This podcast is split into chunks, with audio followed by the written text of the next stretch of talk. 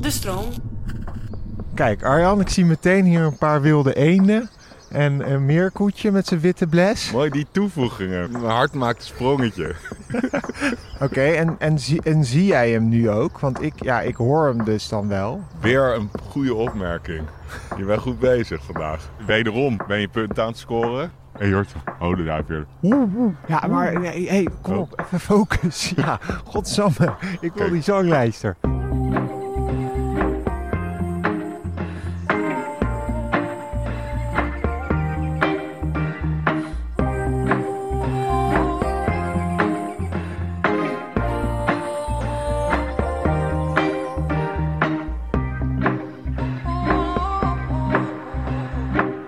Je kan me niet elke ochtend om zes uur mijn bed uitbellen, hè? dat begrijp je. Nou ja, eh, wen er maar aan. Want ik bedoel, eh, de, de dagen zijn aan het, eh, aan het lengen. En ehm, ja, vogels kijken is gewoon een hobby van heel vroeg je bed uit. Dus jij bent gewend geraakt nu, omdat we een beetje in de vroeg, vroege voorjaar na winter zijn begonnen. Dat je lekker om negen uur kon beginnen. Maar normaal is het gewoon zes uur naast je bed. Ja. Nou, ik heb er ook wel, ik moet zeggen, ik, dan hoor ik zo'n eh, appje van jou en dan denk ik, ja, ik heb er ook wel weer heel veel zin in. Ehm, maar voordat we gaan beginnen, jij vertelt me altijd iets over die zelfontdeklijst. Wat is dat nou? Ja, nee, het is goed dat je het vraagt. Dat is voor mij de heilige lijst. Dus ik, ik hou een, eh, een lijst bij van ehm, vogels die ik echt als eerste zelf heb ontdekt in Nederland. Ik bedoel niet een vogel die nog nooit is gezien.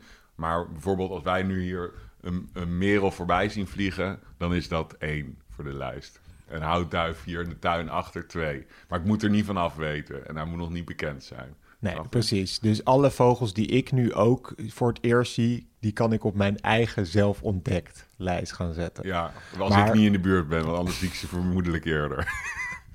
Oké, nou, dus, dan, dus die lijst bij mij blijft altijd op nul. Maar oké, bij jou staat er natuurlijk niet meer alleen de merel op. Er zijn er 302 op. 302 Ah, soorten. 302. En wat is je, wat is je volgende? Maandag ga, heb ik weer een megalomaan eh, plan. Dan ga ik eh, naar Ameland. En dan ga ik op zoek naar de brilzee eend. En dat is alweer de nou, vijfde of zesde poging voor die soort. Ehm, wat er gaat gebeuren... ehm, je- mag niet te veel wind hebben. Je mag geen bewolking hebben. Het, moet in deze tijd van het jaar, want dan zitten daar veel zwarte en grote zeeën. Die zijn heel algemeen. Die zitten dicht onder de kust, omdat er diep water is. Het is echt, je gaat dan echt, eh, echt op de kleinste details eh, eh, zijn belangrijk. En ik ga met nog een hele fanatieke gozer, Marijn, gaan we daar dan eh, heen. Dus we moeten om kwart over zeven de boot pakken. Wat inhoudt is één uur en drie kwartier rijden naar Holwart. Dus we moeten om nou, vijf uur op maandag. Dus dat, is pas vroeg op. En de kans dat het lukt, het plan is nou, minder dan 10%. Dus, eh, dus het, is, het is een hele mooie, ja, spontane, of niet spontane actie eigenlijk. En met een hele kleine kans van slagen. Maar als het dan lukt, dan is de, ja, dan, Dan ben jij gelukkig dan voor de loop ik rest nog van de... drie weken met een, een big smile op mijn gezicht rond. Mag ik mee? Nee, tuurlijk niet.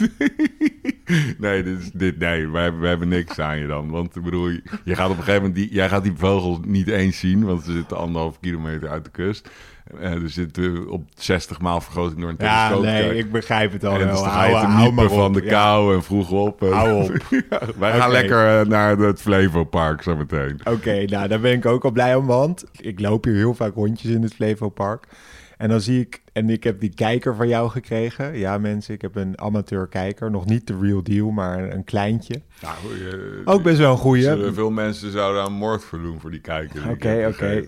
Maar goed, ik heb natuurlijk al nu les gehad in een Ferrari. Hè, dus eh, dat is, ja, Ja, snap je soms moet je even terugschakelen om Precies. even metaforisch... Eh, maar dan zie ik dus nog allemaal vogeltjes en die kan ik gewoon nog niet determineren. En ik denk dat het ook gewoon leuk is om natuurlijk die kleintjes in het park, in de straten. Dus Dat is het mooie van vogels kijken. Dit is de essentie van vogels kijken, wat je zegt. Want wat is het allerleukst van vogels kijken?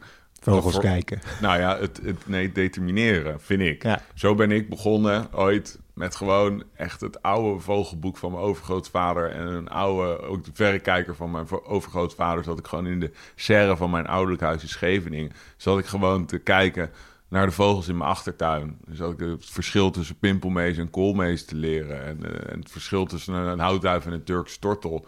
En, en het leuke is, als je dat zelf gaat doen, op een gegeven moment het is elke keer een klein eh adrenaline kickje als jij een vogel juist determineert. En inderdaad, oh ja, het is die. En je zult ook op een gegeven moment dingen zien die helemaal niet kunnen. Weet je wel, dan denk je, hé, hey, hey, Arjan, Arjan, ik heb een middelste bonte specht gezien in het Flevopark. Ik zeg, grip.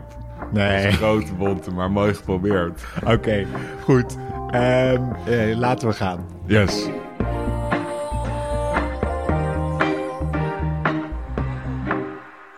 Kijk, Arjan, ik zie meteen hier een paar wilde eenden. En een meerkoetje met zijn witte bles. Mooi die toevoegingen. Wilde bij eend, meer bij koet. Moeten we hier links? Nou ja, is goed. Ik hoor hier rechts al eigenlijk een, eh, mooie beginner. Maar dat is goed, hè? Die, dat, dat, dat, dat moeten we heel veel bij stilstaan bij dit moment. Dat je bent, je bent de fase van eend voorbij. En we zitten nu bij wilde eend. Mijn hart maakt een sprongetje. Thanks. Hé, hey, eh, hoor je dit? Niet dit, maar dat is pimpelmees, maar... Wacht. Dit. Ja. Je hoort een soort melodieuze, snelle, ratelende zang. Ja. Is een winterkoninkje. Oh, Ja, het ene kleinste vogeltje van Nederland. 9,5 centimeter van snavelpunt tot staartpunt. En het mooie is, we zijn nu in het Flevopark, eigenlijk bij jou om de hoek.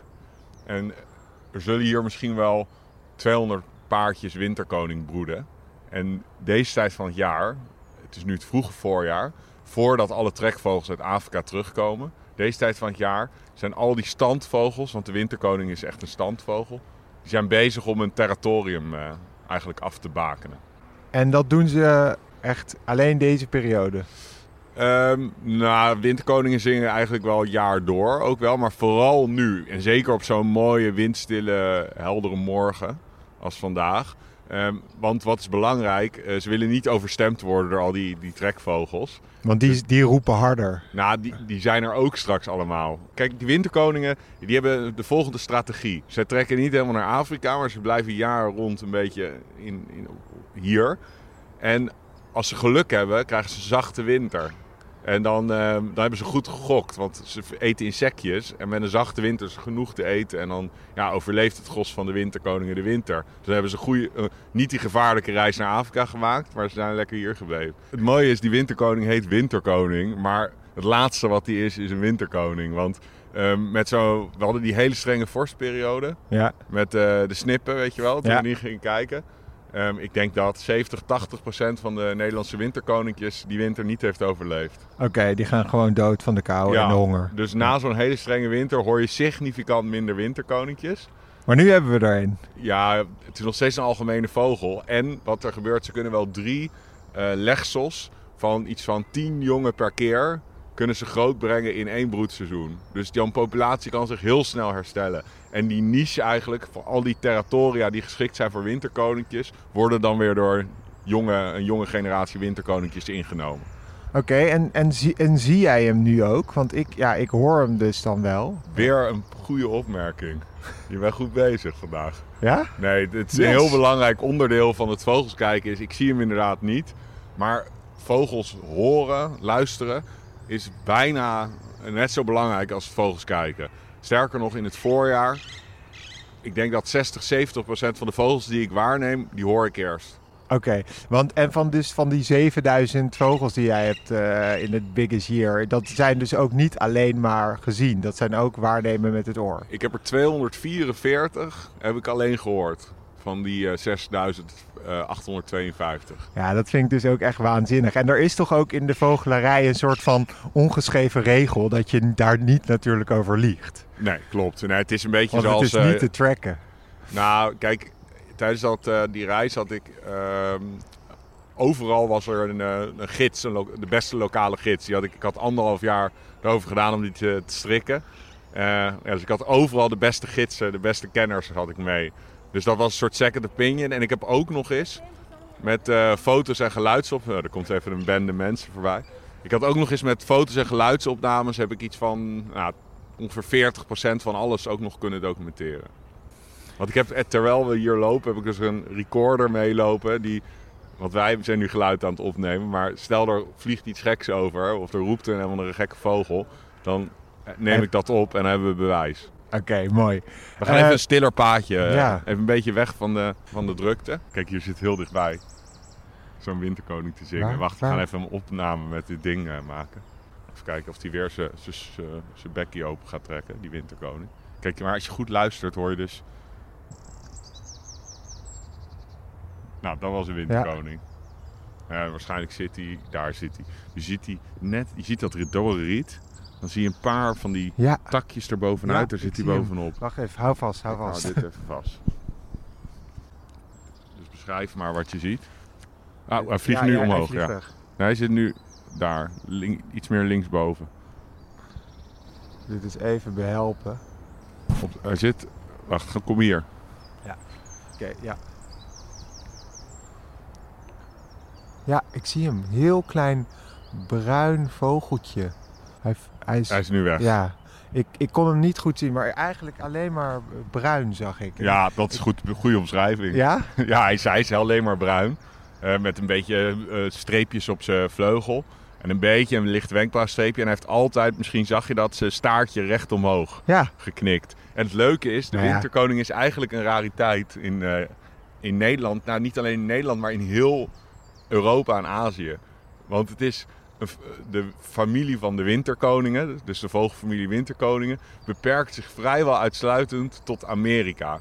Dus Noord-Amerika, Midden-Amerika, Zuid-Amerika met het epicentrum in Midden-Amerika ehm, is eh, het hoogtepunt van de winterkoning diversiteit. In Mexico heb je wel 35 soorten winterkoningen, waarvan één, de giant wren, die is even groot als een gaai. Echt? Ja, terwijl hier, wij, wij kennen het winterkoninkje als het ene kleinste vogeltje van Nederland. De kleinste is de goudhaan. Dus, maar de, de enige winterkoning die die oversteek over de Beringstraat ooit heeft gemaakt, Was de Beringstraat? dat is de, tussen, eh, bij Alaska, tussen Rusland en... Dat eigenlijk de verbinding tussen Azië en Amerika. Oké. De enige winterkoninkje die dat ooit heeft gedaan is het winterkoninkje dat nu helemaal ook hier zit. Al die andere winterkoningssoorten is allemaal maar in, in Amerika.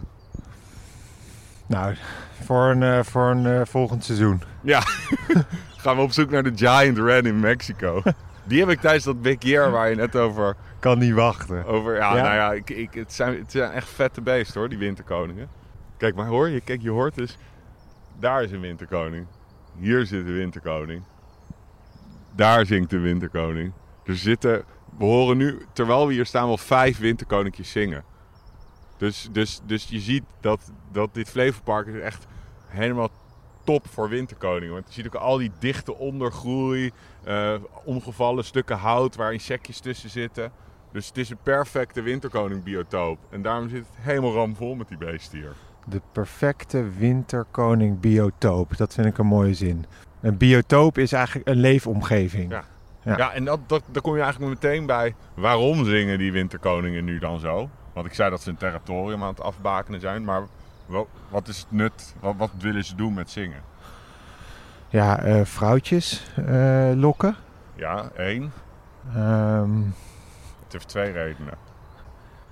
ja, en dus andere, andere vogels eh, afschrikken. Ja. Echt? Je, bent- dit is echt... Ik Je hebt zitten helemaal in de zone, ben je. Nee, ik durf door, doordat je me af en toe een snauw geeft, zoals bij de Exter, durf ik niet altijd meer eh, iets te zeggen. Maar ik begin weer mijn vertrouwen een beetje terug te Dat krijgen. sabel ik straks wel weer neer. Dus Ja, dat, dat- komt goed. Nee, maar het heeft twee redenen. Ehm winterkoninkjes en eigenlijk alle vogels die aan het zingen zijn, die zingen om aan andere mannetjes te laten zien: dit is mijn territorium, blijf uit de buurt. En wat is nu de functie van een groot territorium? A. Meer plek om je te verstoppen, meer plek om voedsel te vinden, meer plek om een nestje te bouwen. En statistisch gezien is de kans lager dat je door een roofdier wordt gepakt. Want als jij de hele tijd op één klein plekje zit ja, en er komt een sperwer langs, dan pakt hij je sneller dan als je een heel groot territorium hebt met allemaal verstopplekken. En dat grote territorium met allemaal aantrekkelijke plekjes, die ik net, eh, eh, wat ik net uitlegde, dat maakt een winterkoning met een groot aantrekkelijk territorium ook aantrekkelijk voor een vrouwtje.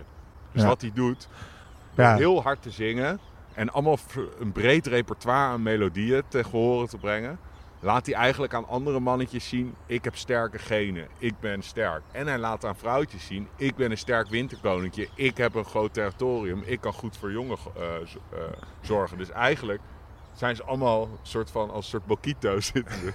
Soort mini boquito's zitten ze op een borstje te slaan. En eh, kijk, kijk, zie je dat? Op die rechte stam. Die, die, Ja, ja. Wat ja, zie je? Die nou, een, ehm, eh, het is een vogeltje met een wit borstje, ehm, bruine ehm, dekveren. Ja? Wat zie je dat hij met staart doet? Met zijn staart zie ik, ja, die, die schuift langs. Hij, hij, hij loopt dus verticaal met een boom omhoog. En waar doet je dit aan denken, die staart? Ehm, wat, welke vogel deed dat ook uit aflevering 1? eh, de, de wondenspecht. Ja, Ja. jezus. Je gaat goed, jongen. Oké. En die gaat met. En wat die staart, die. De, wat, want wat doet hij precies? is- hij sleept hem mee naar boven Nee, eigenlijk. nee. Hij gebruikt die, die staart gebruikt hij als stut tegen de boom om zijn evenwicht eigenlijk te behouden. Want het is een boomkruipertje. Een boomkruipertje. Ja. Een boomkruiper. Wat een eh, lekker naampje eigenlijk. Ja, nou, hij, hij doet zijn naam eer aan. En boomkruiper is ook weer echt een eh, standvogel van de Nederlandse parken en bossen. Ook in de achtertuinen zit. Het is een wat opvallen, onopvallender vogeltje. Het is niet een, eh, een vogel waar, eh, die iedereen meteen zou noemen als je echt helemaal niks van vogels weet. Maar het is wel echt een favo van mij. Ik hou eigenlijk van meer van boomkruipers dan zo'n kietsige ijsvogel. Ja, ik weet het. Jij vindt de, de, degene die iedereen het mooist vindt, vind je eigenlijk het kietst. Nou, kijk, zo'n boomkruiper, als je hem echt goed bekijkt door je kijker, zoals jij net deed, dan zie je een heel mooi patroon van bruin, don, eh, zwart en een beetje gouden randjes. En dat wit is ook schitterend. Het is echt een hele mooie vogel. Eigenlijk vogels met een beetje een schutkleur. Die schutkleuren in de natuur zijn het mooist, omdat die helemaal zijn aangepast aan de omgeving. En dat, Ja. daarom kan ik zo'n winterkoning heel erg waarderen. En de Ik boomkruiper. hoor weer, we gaan naar een, eh, we gaan naar een volgende vogel die zijn territorium hier zit te verdedigen. Laat me heel even kijken. Ja. Kijk, Ja. je ziet die eh, treurwilg staan daar. Ja. Links, een beetje op drie vierde hoogte in die treurwilg, links bovenin zit een vogel. Die is aan het zingen. Kijk, als je één stap naar voren doet, Ja. zie je hem tegen de lucht. Daar. Oké, ja, ik geloof het wel. Ja, hij Oh, gaat naar beneden, toch? ja. Ah, damn it. Ja, Wat was het? Ik zag hem naar beneden fladderen. het was een zanglijster. En daar wilde ik je net over vertellen. Maar kunnen we die nog... Zullen we hem Ja, gewoon, eh, we, we- kunnen toch nog Sterker even... nog, ik verreed de microfoon op als we niet nog een zanglijster tegenkomen voor het eind van deze aflevering. Oké, wat zien we nog meer? Dat is een ijzige stilte. Ja, Mereltje zie ik. Ja, maar we zijn, kijk, ik wil even de focus leggen op, op luisteren. Dus we zijn heel Ja. veel de... Kijk, er zit, een, er zit een waterhoentje en een merel, maar die laten we heel veel links liggen. Want hoe kan je inderdaad in die kakofonie van geluiden... Hoe kan je daar... Zijn er trucjes hoe je iets... Of, Ja, nou, eh, Je moet leren goed luisteren. Dat is gewoon iets wat eh, leren filteren. Dat is gewoon iets wat uiterst lastig. Kijk, dit is nog kinderspel. Want je loopt, nou ja, niet voor jou, want je bent net begonnen met vogelen. Thanks. Maar als je gewoon in een park rondloopt, dan, ja, dan, dan al die geluiden filter ik heel makkelijk als, als ervaren vogelaar. Maar je, je kan ook in het najaar ergens in de duinen lopen. En dan vliegen er op een ochtend 150.000 zangvogels langs. Van wel 70 soorten. En daartussen filter je dan de zeldzame roepjes eh, uit. Nou, dat, is, eh, dat is echt eh, hogere wiskunde. Er is maar één manier om een goede vogelaar te worden. Dat is gewoon het heel veel doen. Hé, hey, reiger. Ja, Nou, weer scherp, Gip. nee, er zit hier een eh, blauwe reigerkolonie. ik dus, zie hier veel nesten inderdaad. Ja. Kijk, zie je Z-? Zijn zij nu aan het broeden? Zeker, blauwe reigers eh, zitten samen met aalscholvers en eh, bosuilen het vroegst op de eieren van alle Nederlandse vogels. Dus blauwe reigers zitten vaak al in begin februari soms al met de eieren. En ze broeden dus in kolonies in eh, bijvoorbeeld Beatrix Park, hier ook in het Flevopark. En dan zitten ze met een stuk of 20, 30 eh, paardjes. broeden ze op van die ja, takken nesten eigenlijk in de bomen. Dus eh, ze, ze, het is niet een heel mooi nest. Het is gewoon een berg tak eigenlijk, eigenlijk in de bomen. En dan leggen ze dan twee eh, eieren meestal op. En dan het mooie is, dan, eh, die jongen die zijn dan aan het bedelen. Vanaf maart hoor je ook de hele tijd dat "Ar, ar, ar", ar van die bedelende jonge reigers. En altijd één, vaak groeien, groeit, groeien één of twee jongen. Dus, laten we zeggen, zo'n twee tot drie jongen kunnen ze krijgen. Die groeien het snelst.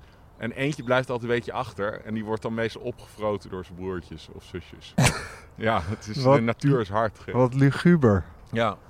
Nou, al dat soort eh, dingen ja, gebeuren gewoon in de natuur. De natuur is gewoon spijkerhard. En, en eh wonderschoon ook wel. Mooi gezegd. Oké, nou we gaan hier. Dit is een mooi stukje met oude beuken. En als je hier boven je kijkt, kijk, nu zie je hier zie je echt veel van die blauwe reiger eh, nesten. Dus die hebben echt het, het voorjaar in de bol.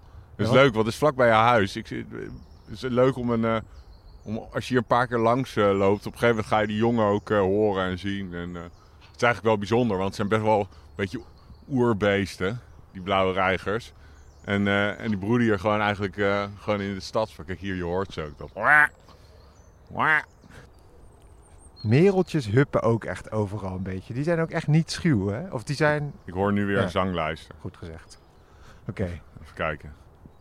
Op En zoek dit is, naar eh, de koolmees. zanglijster.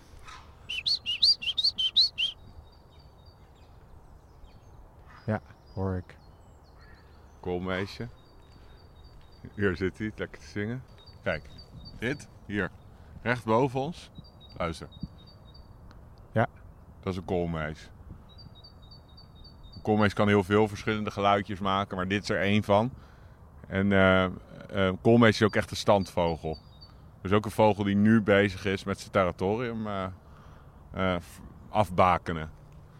En eh, Het is ook echt een herkenbaar geluid. ja, wel, maar ze, ze kunnen dus ook gekke, blikkerige geluidjes maken. En de Koolmees heeft best een rijk repertoire. Maar ik hoorde hier nu ergens die zanglijster, maar...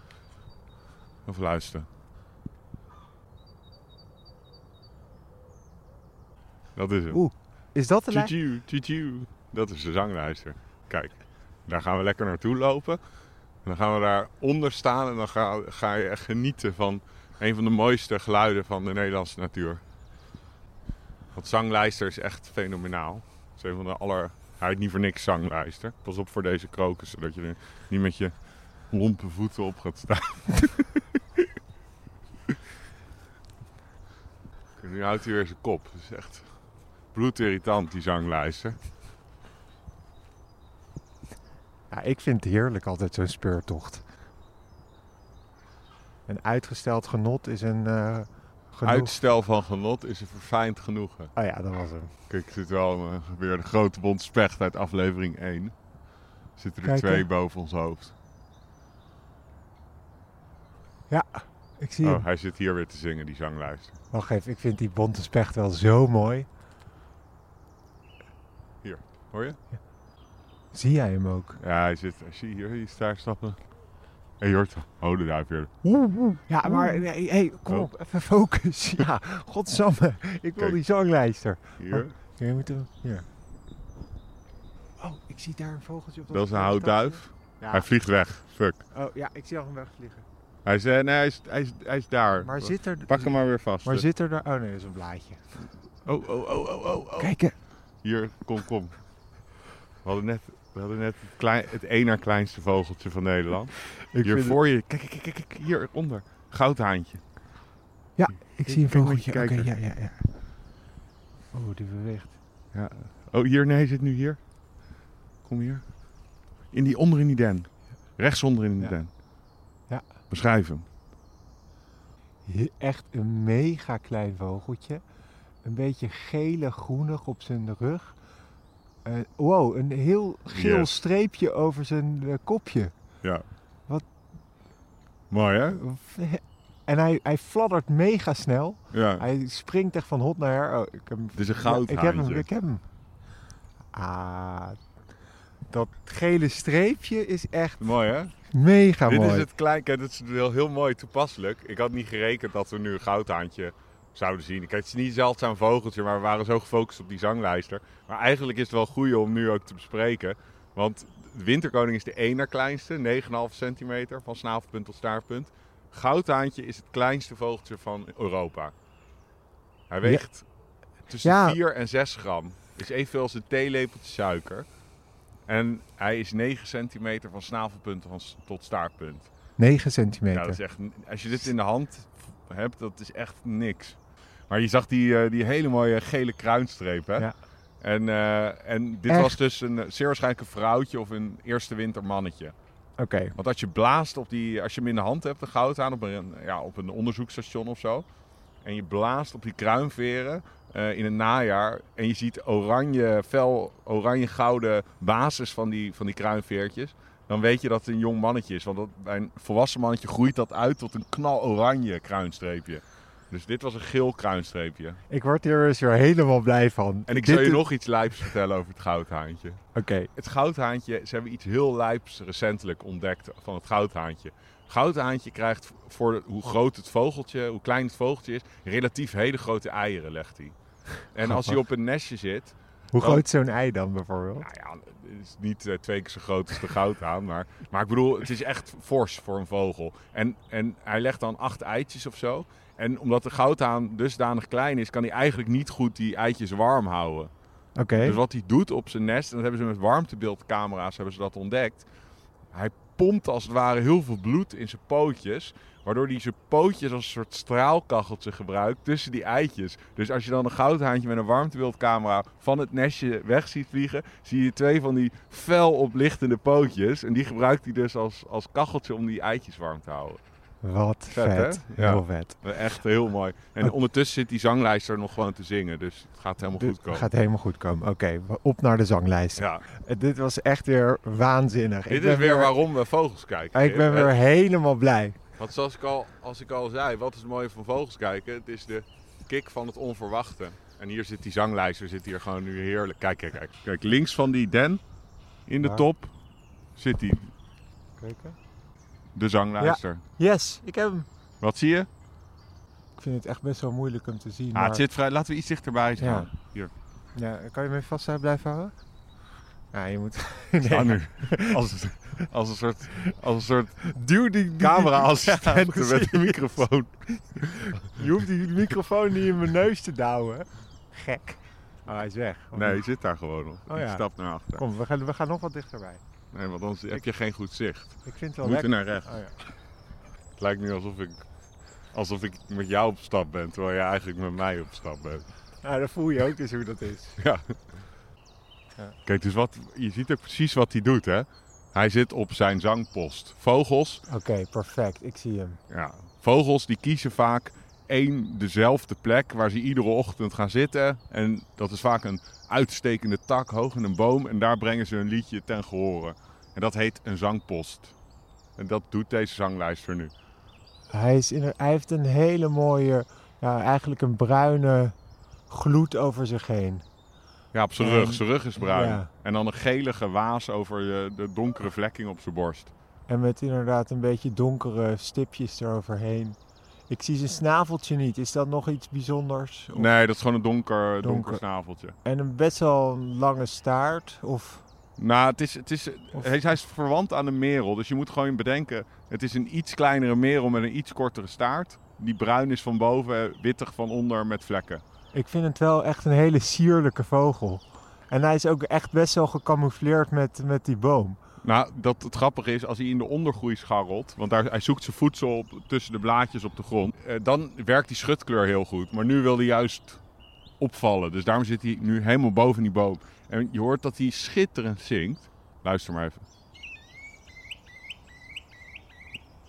Het is allemaal herhalingen, dus Ja. hij gaat... tjitjit, tjitjit, tjitjit, tididu, tididu, tididu. Dus wat die merel, merel die zingt er meer kabbelend, kabbelt hij een beetje voort. Zanglijster doet allemaal herhalingen en versnellingen en zo. En in zijn zang zitten ook allemaal imitaties. Dus zanglijsters die nemen heel kort in, in hun zang kleine omgevingsgeluidjes mee. En waarom Dus doen ze die imitaties? hoe meer imitaties, hoe breder zijn repertoire, hoe sexier die hij is voor een vrouwtje en hoe sterkere genen die heeft. Dus spreeuwen zijn daar helemaal koning in. Die kunnen wel meer dan 60 andere vogels nadoen. Maar zanglijster ook. Zang, en zanglijsters kunnen ook gewoon scooteralarmen nadoen in de stad en al dat soort eh, gekkigheid. En, eh, en, en als je een tijdje bij een zanglijster staat, dan hoor je al dat soort elementen. Maar die, eh, die zanglijsters in de stad, die moeten natuurlijk al die omgevingsgeluiden overstemmen. Weet je Eh, je hoort ook constant eigenlijk een ruis van auto's en dingen op de achtergrond. En eh, daarom zingen zanglijsters in de, in de stedelijke omgeving, dat hebben ze onderzocht, gemiddeld ongeveer anderhalf keer luider dan zanglijsters in de, in, be- in de, in de natuur eigenlijk. Dus dat is gewoon een soort biolo dat is een soort aangeleerd hebben ze dat om die, die menselijke, die- la- menselijke waai te overstemmen. Bruut hè? Heel bruut. Ondertussen zit nu ook het goudhaantje in, in de dennen onder de, onder de zanglijster. Hier, zie je Ja, ik zie hem. Misschien hetzelfde goudhaantje als die we net eh, dichtbij zagen.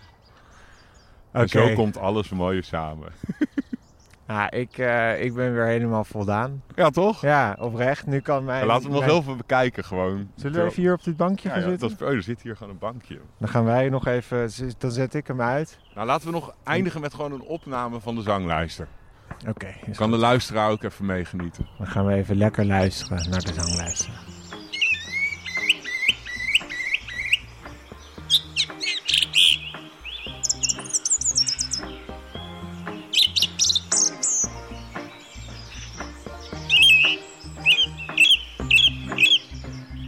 Dankjewel voor het luisteren naar de Vogels Podcast.